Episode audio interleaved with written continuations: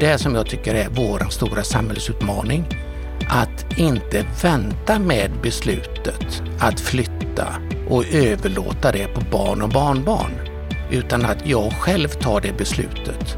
Och då måste vi eh, lite grann bryta det stigmat att seniorboende, där är jag inte än eller det är ingenting för mig.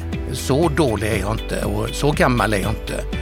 Utan att vi låter hela marknaden producera olika typer av koncept, olika upplåtelseformer, olika varianter som är attraktiva. Då kan vi få de yngre seniorerna att flytta betydligt tidigare och då får vi också igång flyttkedjorna. Och till slut så får vi loss de billiga lägenheterna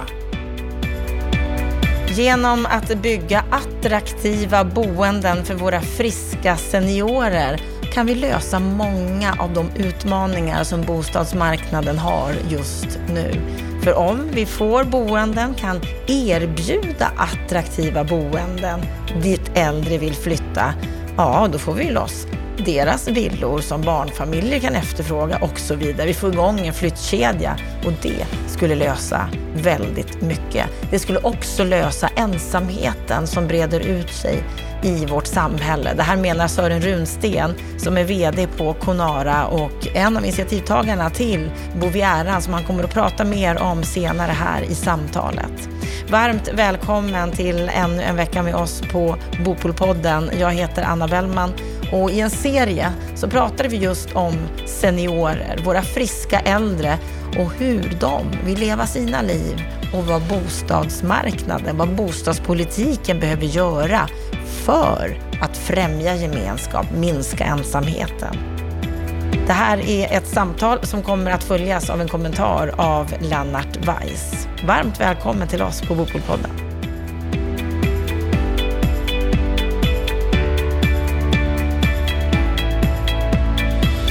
Hur ska vi utveckla våra seniorboenden? Hur ska vi se till att främja gemenskap bland äldre? Vad är bostadspolitikens roll?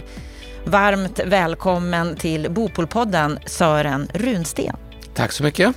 Vad är din sinnesstämning idag? Stor förväntan. Det här är ju frågor som ligger mig jättevarmt om hjärtat. När jag läser på om dig så sägs det att du är en hängiven entreprenör med bakgrund från byggproduktion, fastighetsförvaltning, projektutveckling, företagsledning. För eh, 13 år sedan så startade du Conara AB Fastighetsutveckling och du har jobbat med just konceptutveckling för seniorer, bland annat med Bovieran som är ett framgångsrikt koncept för seniorboenden. Hängiven entreprenör, stämmer det? ja, vad fint. Ja, men det, det är jag nog. Ehm, att, att våga sticka ut och inte blunda för problem och skjuta från sig och säga att det där får någon annan lösa. Utan försöka eh, delta i debatten och skapa någonting som man verkligen tror på. Gör skillnad. Och vad var det då som gjorde att du intresserade dig för social hållbarhet, för boendemiljöer, för just seniorfrågor just? Ja, det var egentligen när jag startade redan 2008. Då blev jag indragen att som projektledare och eh, jobba med ett seniorboende i eh, eh, Västerås för att forma någonting nytt och något som var trevligare än det som fanns just då. Och det blev egentligen starten. Så nu har jag hållit på i 13-14 år med de här frågorna i olika konstellationer. Och ju mer jag jobbar med det, desto mer ser jag att det finns ett oändligt behov av gemenskap, av att bryta stigmat kring seniorboende och att göra det till, till någonting som fler människor kan ta del av. Det här är ett underutvecklat område, stämmer det? Ja, det är det. Därför att jag tycker att ehm, eh, det handlar ju liksom om flera bitar för att få ett, ett bra liv, att livet hänger ihop. Och då är det just det här, naturligtvis bostaden är viktig. Och det är det som jag brukar kalla för den fysiska infrastrukturen. Att vi har tillgängliga bostäder, att det är bra sammanhang att vara i, att det är trevlig miljö, att det är fin yttre gestaltning, att det finns torg och platser, att man kan ta sig fram och sådär. Men det som är lika viktigt, det är ju den sociala infrastrukturen. Alltså det här med gemenskap, att vi inte känner oss isolerade, att vi kan få kontakt med varandra, det med tillit och trygghet, välbefinnande, livskvalitet. För det är ju egentligen det som det sociala handlar om och där är, eh, är vi inte lika duktiga. I alla fall inte från myndighetshåll och kommuners håll. Utan där är vi väldigt fokuserade på de hårda faktorerna. Byggnaderna, gestaltning, hållbarhetsfrågorna inom miljö. Men den sociala hållbarheten, den är eftersatt. Och hur stort är det problemet skulle du säga när det gäller just våra äldre? Ja, men det är ju jättestort. Eh, jag vet ju det av egen praktisk erfarenhet, bland annat från Bovieran, hur ensamheten slår klorna i människor och man upplever en fullständigt meningslös tillvaro. Jag vet att när vi invigde en av våra anläggningar för några år sedan så, så var vår ekonomichef eh, uppe i eh, föreningen för att hjälpa dem med lite styrelsearbete. Och då mötte han en kvinna i entrén som fullständigt eh, strålade och kom rusandes emot honom. Och med öppna famnar gav honom en bamsekram och sa det, Åh Dan, vad roligt att se dig. Du har räddat livet på mig. Och han förstod inte vad det handlade om. Och så berättade hon, Jo, du förstår, min man dog i höstas och jag hade inte lust att leva. Och så kom jag hit till Bovieran och fått så många nya vänner. Och Dan, du har räddat livet på mig. Och då känner ju jag det att, ja men det är ju det som vi ska leverera också. Vi kan inte bara titta på takfotens utformning och fönstersättning och om det är tegel eller trä. Utan vi måste bevaka de här sociala faktorerna. Det mänskliga livet, livskvaliteten. Och det är det vi missar i politiken, i stadsutvecklingen. Vi ser inte helheten menar du? Nej, eh, kanske inte på den här praktiska nivån. Hur ska det gå till? Utan politikernas eh, största Eh, verktyg som man har, det är att tillskjuta pengar och kanske då i, i viss mån personal, men framförallt tillskjuta pengar. Och jag upplever ju att nej, men det är inte pengar som vi behöver, utan vi behöver ju liksom en insikt om hur skapar vi en helhet? Hur får vi det här att hänga ihop? Att vi behöver ha marktilldelning som inte bara baseras på högsta pris, att den som betalar mest får, får marken, utan att vi kan bygga eh, städer och ha en stadsutveckling där den sociala infrastrukturen verkligen får ta plats och att det är vi som utvecklar har ett mycket, mycket större ansvar än vad vi egentligen tror. Hur har du format ditt bolag? Vad är det ni på Conara Fastighetsutveckling gör? Ja, det, det vi gör framförallt är att skapa den här sociala infrastrukturen. Då baserat på den kunskap som våra forskare på universitet och högskolor sitter med och som vi i branschen är så dåliga att ta till oss. Då handlar det ju liksom om det här med social gemenskap. Det begriper vi. Men det handlar också om sådana här fysiska saker som träning. Hur ska vi kunna hålla oss friska? Jag menar, målet är ju egentligen att dö friska och dö lyckliga. Eh, och vi vet ju det att tränar vi så nybildas våra hjärnceller. Vi håller demensen stången. Så det är inte bara det att våra kroppar mår bra, att vi blir fysiskt välmående, vi får också ett friskare liv. Och det här med följdsjukdomar som diabetes, hjärt-kärlsjukdomar eh, och eh, ja, vad det nu kan vara. Det finns så många faktorer som genom att träna och den tredje delen äta riktigt, äta nyttigt. Det är faktiskt så att merparten av Sveriges seniorer lider av undernäring. Det visar forskningen. Vi kan se tjocka och feta ut, men vi lider av undernäring. Så mat, träning och social gemenskap, de tre bitarna, det vill vi implementera i våra boenden och få det att funka. Men får ni ekonomi i det då? Precis, det är ju liksom pudelns kärna. Och då är ju liksom klon här att vi måste ha en större bas. Ska du ha en restaurang där vi har en riktig kock och vi liksom ska ha ett sådant utbud, då måste vi kunna rikta oss utåt. Då måste vi kunna eh, eh få hela stan att komma dit och eh, eh, restaurangen måste kunna överleva på marknadsmässiga villkor. Ska vi träna och ha ett gym, det är ju likadant där. Det måste vi också ha det här utåtriktande. Och då knyter vi liksom ihop de, den här gemenskapen. Då handlar det mer om organisation. Hur får vi människor att mötas av de som bor i huset och de som bor någon annanstans? Och då blir våra eh, anläggningar eh, typ av aktivitetscenter eller centrala hubbar där jag möter mina vänner och kan fika och träna och vi binder ihop detta i ett socialt sammanhang. Så det är roligt att träna, det är roligt att äta nyttigt, det är roligt att umgås. Och då får vi ekonomi i det också. Får ni en större ekonomi än om ni inte hade tagit hänsyn till det här tror du?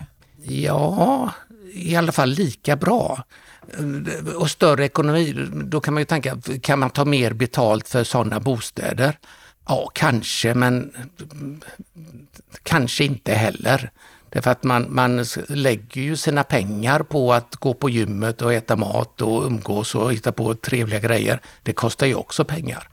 Så vi tror liksom att genom att organisera det sociala livet och få livet att hänga ihop och kunna erbjuda det, då kan vi sälja våra lägenheter eller hyra ut våra lägenheter och då får vi ekonomin att gå ihop.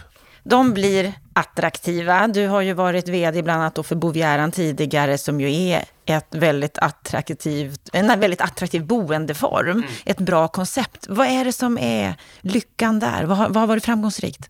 Man kan säga att det första man slås av är ju egentligen den fysiska miljön.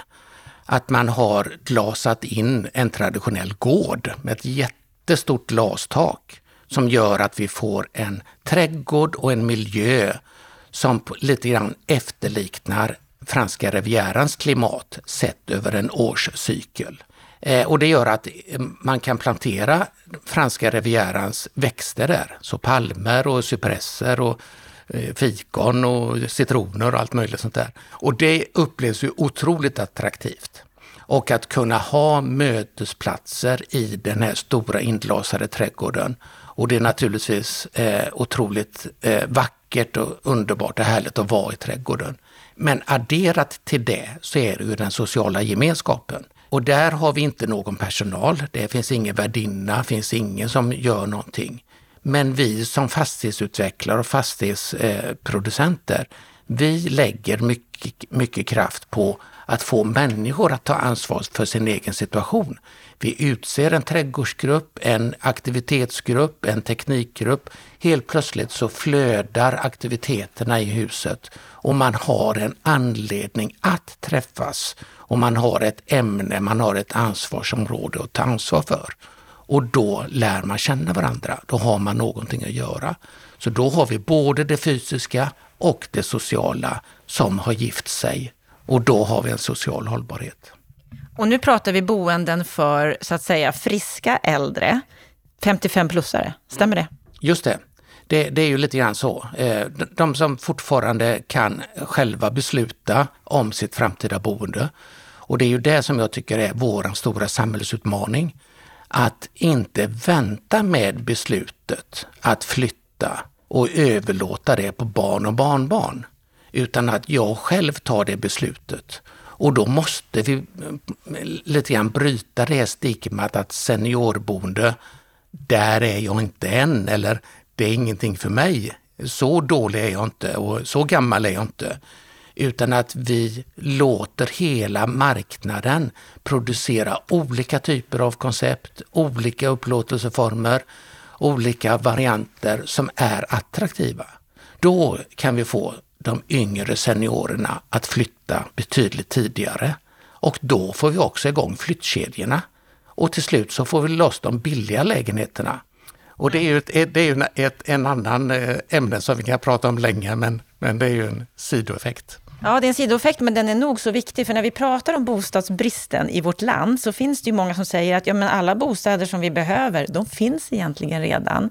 Men att flyttkedjorna inte fungerar. Kan mm. du hålla med om den synpunkten? Ja, men så är det definitivt. Oh ja. Så att jag, det förstår man ju intuitivt att får vi liksom 55-plussarna och 60-plussarna att flytta och lämna stora villan som gör att en barnfamilj med ett par, tre ungar kan flytta in som lämnar ett radhus, som lämnar två lägenheter. Det är klart att vi får loss de billiga lägenheterna i slutet av kedjan. Det är ju inget snack om saken. Och det sitter så många ensamma människor i stora, stora hus men de ser inget alternativ och de vet inte hur de ska gå tillväga. Och är du i 80-årsåldern eller äldre, då orkar du inte flytta. Så det här med att erbjuda till exempel som en service med flytthjälp eller flyttplanering eller flyttkonsult och den, en, den ekonomiska rådgivningen kring det här, hur, hur gör jag? Den är lika viktig den. Och den är en väldigt viktig sak, för det finns ju många äldre som menar att jag har inte råd. Vi ser ju en tröghet som vi har bränt här, bland annat genom den här så kallade flyttskatten, reavinstskatt. Det finns övriga kostnader som gör det ekonomiskt fördelaktigt att inte byta bostad. Man kanske vill flytta men man säger att man inte har råd. Ja, och, och det, det, är ju en, eh, så är det ju, men det är en sanning med modifikation skulle jag vilja säga. Därför att om, om jag köpte en villa på 70 eller 80-talet och betalade kanske 500 000 eller en miljon och nu säljer den för fem. Jag har ju ett enormt kapital. Och det är klart att jag kan leva gott på de pengarna. Utan det är ju liksom en, en mental inställning. Och även om jag betalar den där reavinstskatten på 23 procent eller vad den är, eh, så spelar det ju inte så det är jättestor roll därför att jag har ju ett fantastiskt kapital ändå. Utan det är ju liksom frågan, vad är det jag flyttar till och vad är alternativen och vad får jag för mina pengar? Det är ju det som är det intressanta. Men hur ska vi ändra det här mindsetet och den här inställningen så att fler vill flytta tidigare? Därför att, eh, att visa på de olika bra alternativen som verkligen byggs nu och att få det här livet att hänga ihop. Att det inte bara handlar om boendekostnad utan det handlar om livskvalitet. Återigen, den sociala hållbarheten, den sociala infrastrukturen. För jag menar på det att ska vi få livet att hänga ihop, då, då, då måste det här fysiska och det sociala gifta sig. Och det är när, när man kommer till insikt om det. Så man kan säga att det är också en viss mått av utbildning och information till den här målgruppen som behövs för att man ska komma till insikt över att, aha, det är det jag får. Jag får inte bara en... Eh, baksidan kan ju vara det, jag, jag lämnar 150 kvadratmeter och får bara en tvåa på 60 kvadrat. Nej, så lite kan jag inte bo. Men jag får så mycket annat. Och det är det så mycket annat. Det är där som branschens utmaning ligger i att beskriva. Men finns det tillräckligt bra alternativ idag för detta? Nej, inte tillräckligt, i, i tillräcklig mängd. Det finns många bra alternativ. Eh, och det är någonting bland annat som vi i seniorvärlden driver nu i en antologi där vi har samlat ihop hela branschens aktörer för att beskriva. Men det behövs många, många boenden. Och jag tycker till exempel att eh, det borde vara krav på kommunerna att bygga seniorboenden med den här inriktningen, där vi tar hänsyn till den sociala infrastrukturen och att inte hela tiden hålla på att sälja marken till högsta pris eller lägga för hög tonvikt på yttre gestaltning, om det ska vara tegel eller trä eller sådär. Utan mer det sociala innehållet. Och att kommunerna förstår vilken ekonomisk vinst man gör genom att få seniorerna att flytta. Både med det med flyttkedjorna, men också att vi håller dem borta längre från hemtjänst och vård och vad tjänar kommunerna på det, om de skulle lyckas med detta några år, att, att, att förhindra att äldre då kommer in på äldreboenden? Jo, man kan säga att en äldreboendeplats kostar ungefär 700 000. Det varierar lite grann vilken kommun det är, men, men i snitt är det det. Och kan vi hålla till exempel 100 personer borta från vård och omsorgsboendet i tre år, då tjänar en kommun 210 miljoner. 210 miljoner tjänar vi på det. Så det är inte bara det att vi har gett människor i seniorboendet en högre livskvalitet, utan vi ger också de som verkligen har behov av vård och omsorgsboenden en bättre möjlighet att få plats och kommunen tjänar pengar.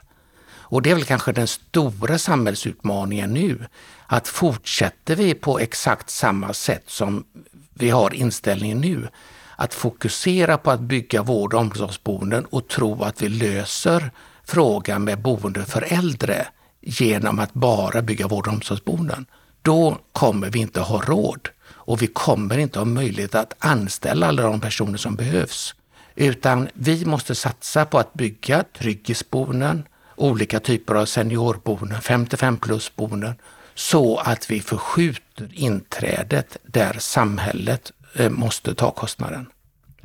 Du sa här att ni på Seniorvärlden arbetar för att bryta stigma och komma ut med information. Du är ju vice ordförande i Seniorvärlden. Vad skulle du säga är, är det viktigaste ni gör för att upplysa kommunerna om att de borde tänka på ett annat sätt? Ja, det är ju egentligen att, eh, och det är ganska svårt, men, men vi försöker ju samla branschen och samla forskarvärlden för att gemensamt beskriva och informera om de här frågorna.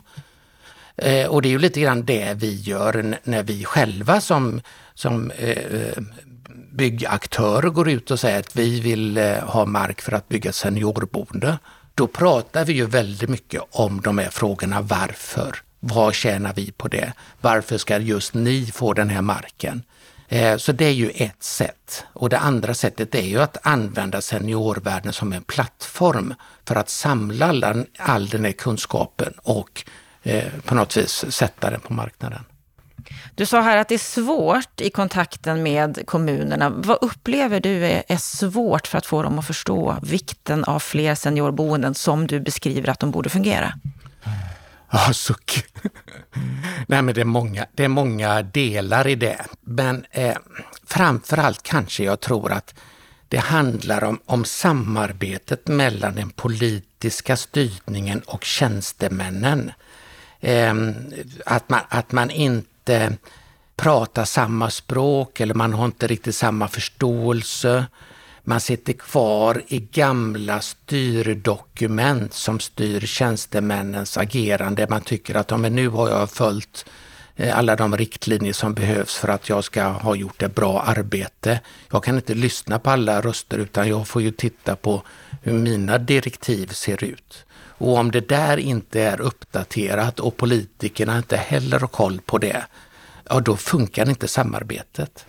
Så det är en faktor alltså kontakten mellan politiker och tjänstemän. Den andra faktorn är ju eh, kunskapen om eh, just det vi pratar om nu, den sociala hållbarheten och att det inte bara handlar om socialt utsatta områden och integrationsfrågor, utan det handlar om gemenskap och att bryta ensamheten. Och när man, om man inte har den kunskapen i alla led, då är det inte lätt att få till det. Och, och, det tredje handlar ju liksom om hur man utformar sin marktilldelning, vad man har för policy. Att man sitter fast väldigt mycket i sina gamla markanvisningsdirektiv eller markanvisningspolicys som gör att man har svårt att släppa in ett nytt tänk på marknaden.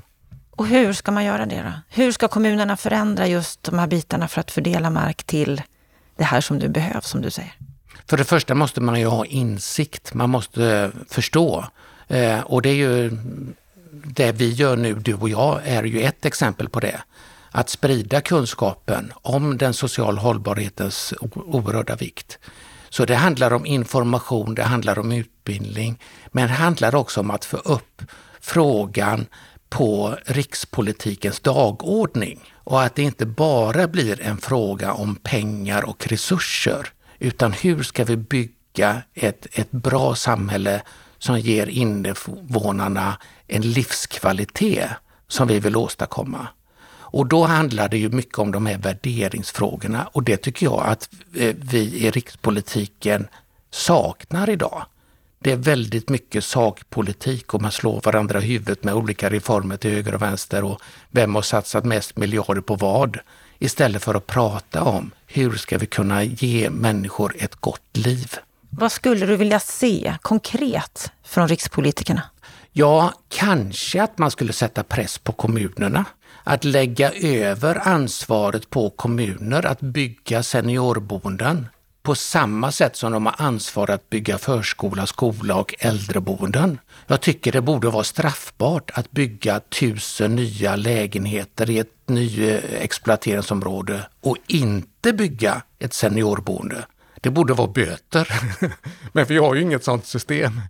Men eh, i alla fall insikt om det. Och det tror jag liksom att, att man från rikspolitiken skulle kunna lagstifta om. Men man kanske inte behöver gå den vägen. Jag tror att det finns en inre drivkraft hos kommunerna själva att lösa den här frågan, bara man har insikten och förstår hur man ska göra det.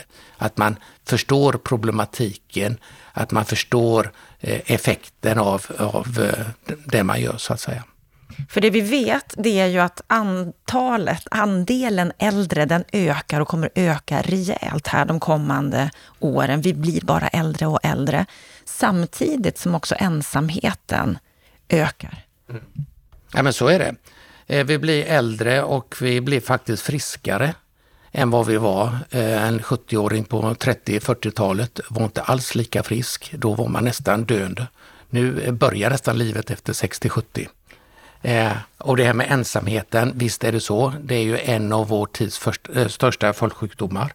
Och det finns ju liksom metoder som vetenskapen har visat hur vi verkligen bryter ensamheten.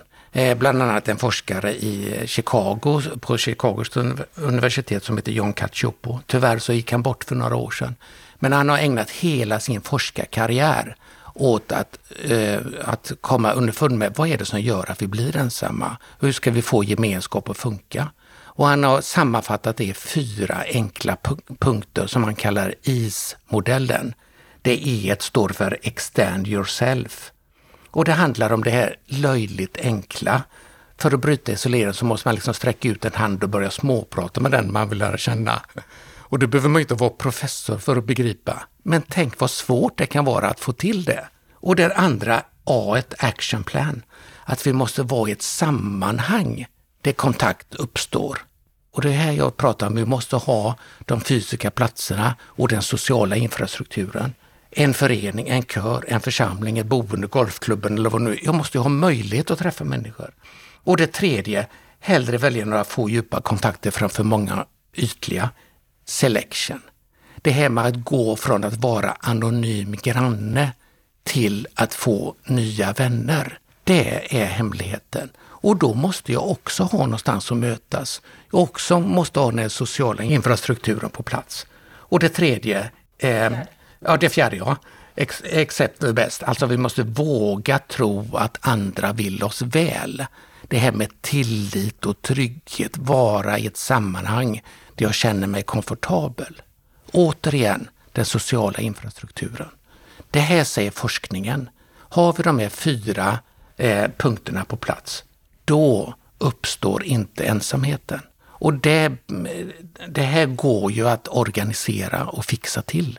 Hur känner du inför framtiden? Kommer vi att kunna organisera och fixa till så att vi får en bättre boendemiljö för alla i vårt samhälle egentligen, men också för de äldre?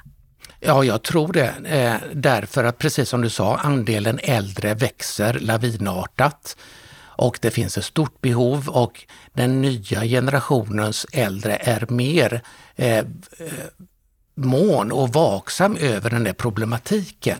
Så att jag tror att eh, det kommer vara många aktörer och det behövs många, många aktörer. Därför att ska vi bygga bra seniorboenden, då behöver vi ha olika typer. Vi behöver ha olika lägen i stan. Vi behöver ha olika prisnivåer eh, till olika målgrupper. Ja, för är det inte så också att kraven från de äldre ökar? Ja, det gör det. Därför att precis som du sa innan, vår största konkurrent är ju faktiskt kvarboendet. Att bo kvar i villan eller radhuset. Jag är bekväm, jag orkar inte. Och då måste vi liksom göra någonting som är tillräckligt roligt att flytta till. Jag ser fram emot det. Ekonomin, det är, det, jag tror att det är lite av en skröna. Jag tror liksom att kan vi leverera saker som ger livskvalitet, ja men det vill jag ju naturligtvis ha och det kan jag vara beredd att betala för. Så fler aktörer som förstår det, en ökad insikt ifrån politiken, bättre kvalitet på seniorboendena. Då kan vi komma till rätta med det här. Absolut. Stort tack för att du gästade Bopolpodden, Sören Runsten. Tack.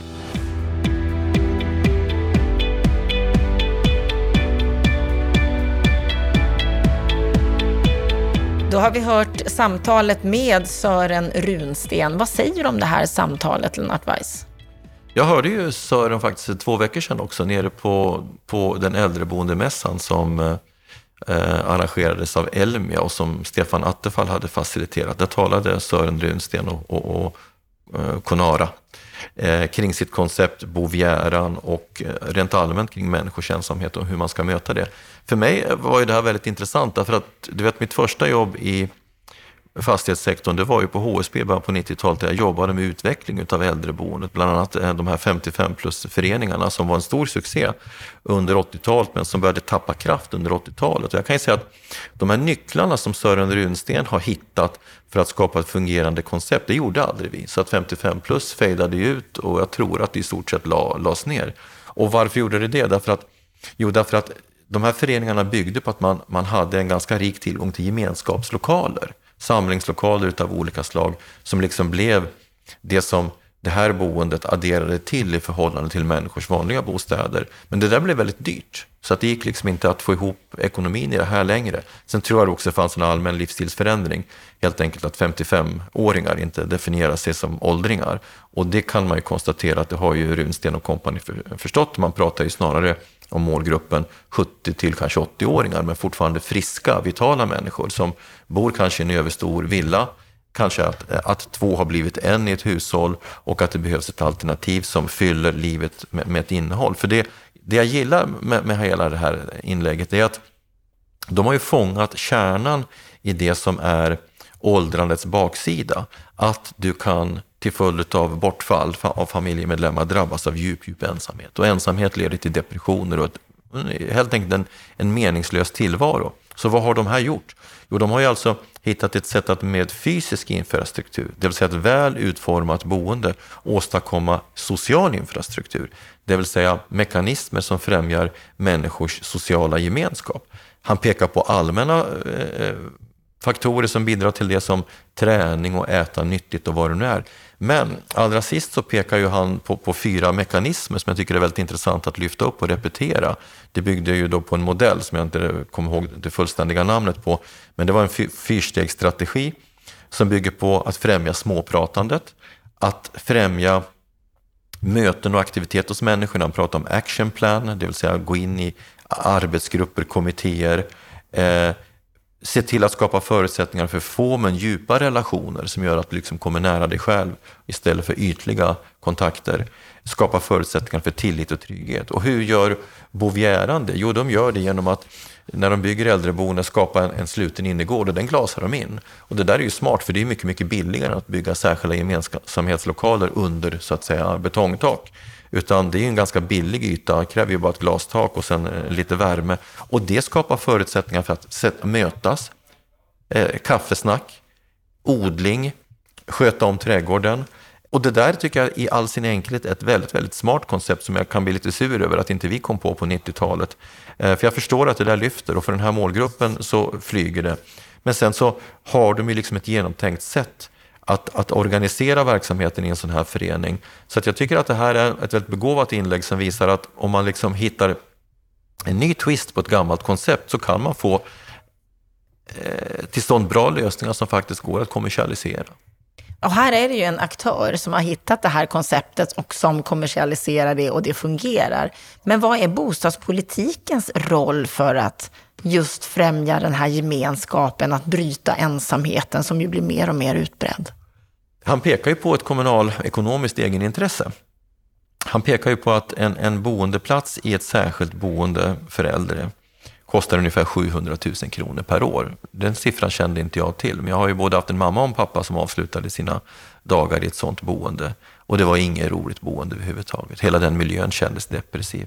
Så kan man skjuta upp eh, tidpunkten för när man måste flytta till ett sådant boende, för det är i praktiken boende i livets slutskede, så tjänar kommunerna ekonomiskt på det. Så vad ska kommunerna göra enligt, enligt Sören? Ja, de ska naturligtvis varje gång som man eh, öppnar ett nybyggnadsområde eh, eller överhuvudtaget bygger bostäder så ska man säkerställa att det byggs en andel seniorbostäder som är attraktiva. Därför att då kommer människor att vilja eh, flytta till, till de bostäderna, lämna sin överstora villa eller bostadsrätt, lämna plats eh, för de bostäderna till yngre familjer som behöver dem. Och man kommer samtidigt att spara pengar och man kommer främja ett, ett, ett, ett övergripande samhällsintresse av att bryta människors eh, ensamhet. För vi vet ju det att Sverige som är ett av världens mest individualistiska länder har ju skapat en oerhörd frihet för människor med den här individuella livsmiljön och kulturen som vi har. Men också en baksida med ensamhet. Och då måste man liksom hitta mekanismer som bryter det. Så att det finns definitivt ett kommunalpolitiskt intresse eller behov av att göra det. Och jag tycker han pekar på goda motiv och också goda grepp för att åstadkomma det. Och lite frustrerat så påpekar ju han att eh, men det verkar vara svårt att få politiker och tjänstemän att tillsammans liksom utveckla den sortens strategier. Och det är väl där uppgiften ligger. Att skapa förståelse och kunskap om hur samhället med ganska enkla medel, egentligen genom att skapa förutsättningar för att bygga sådana här bostäder och sen med människors egna pengar. För det finns ju en stor etablerad medelklass som har mycket pengar, som är resursstark, som med egna pengar kan faktiskt eh, finansiera den här tillkomsten av den här sortens nya bostäder. Samtidigt så hörde vi ju Ted Lindqvist för ett par program sedan berätta att det är inte jättemånga äldre som vill flytta ifrån sina villor och sina etablerade bostäder de har idag. Hur stor är marknaden för det här? Ja, det är en bra fråga och jag tror att de kan ha rätt båda två här. Det behöver ju inte nödvändigtvis vara så att en stor majoritet vill ha den här sortens eh, bostäder. Och där har ju debatten väldigt mycket handlat om att man skulle med negativa incitament, det vill säga genom att eh, eh, sänka flyttskatten, höja fastighetsskatten, skapa liksom ett tryck på människor som bor i överstora bostäder att flytta.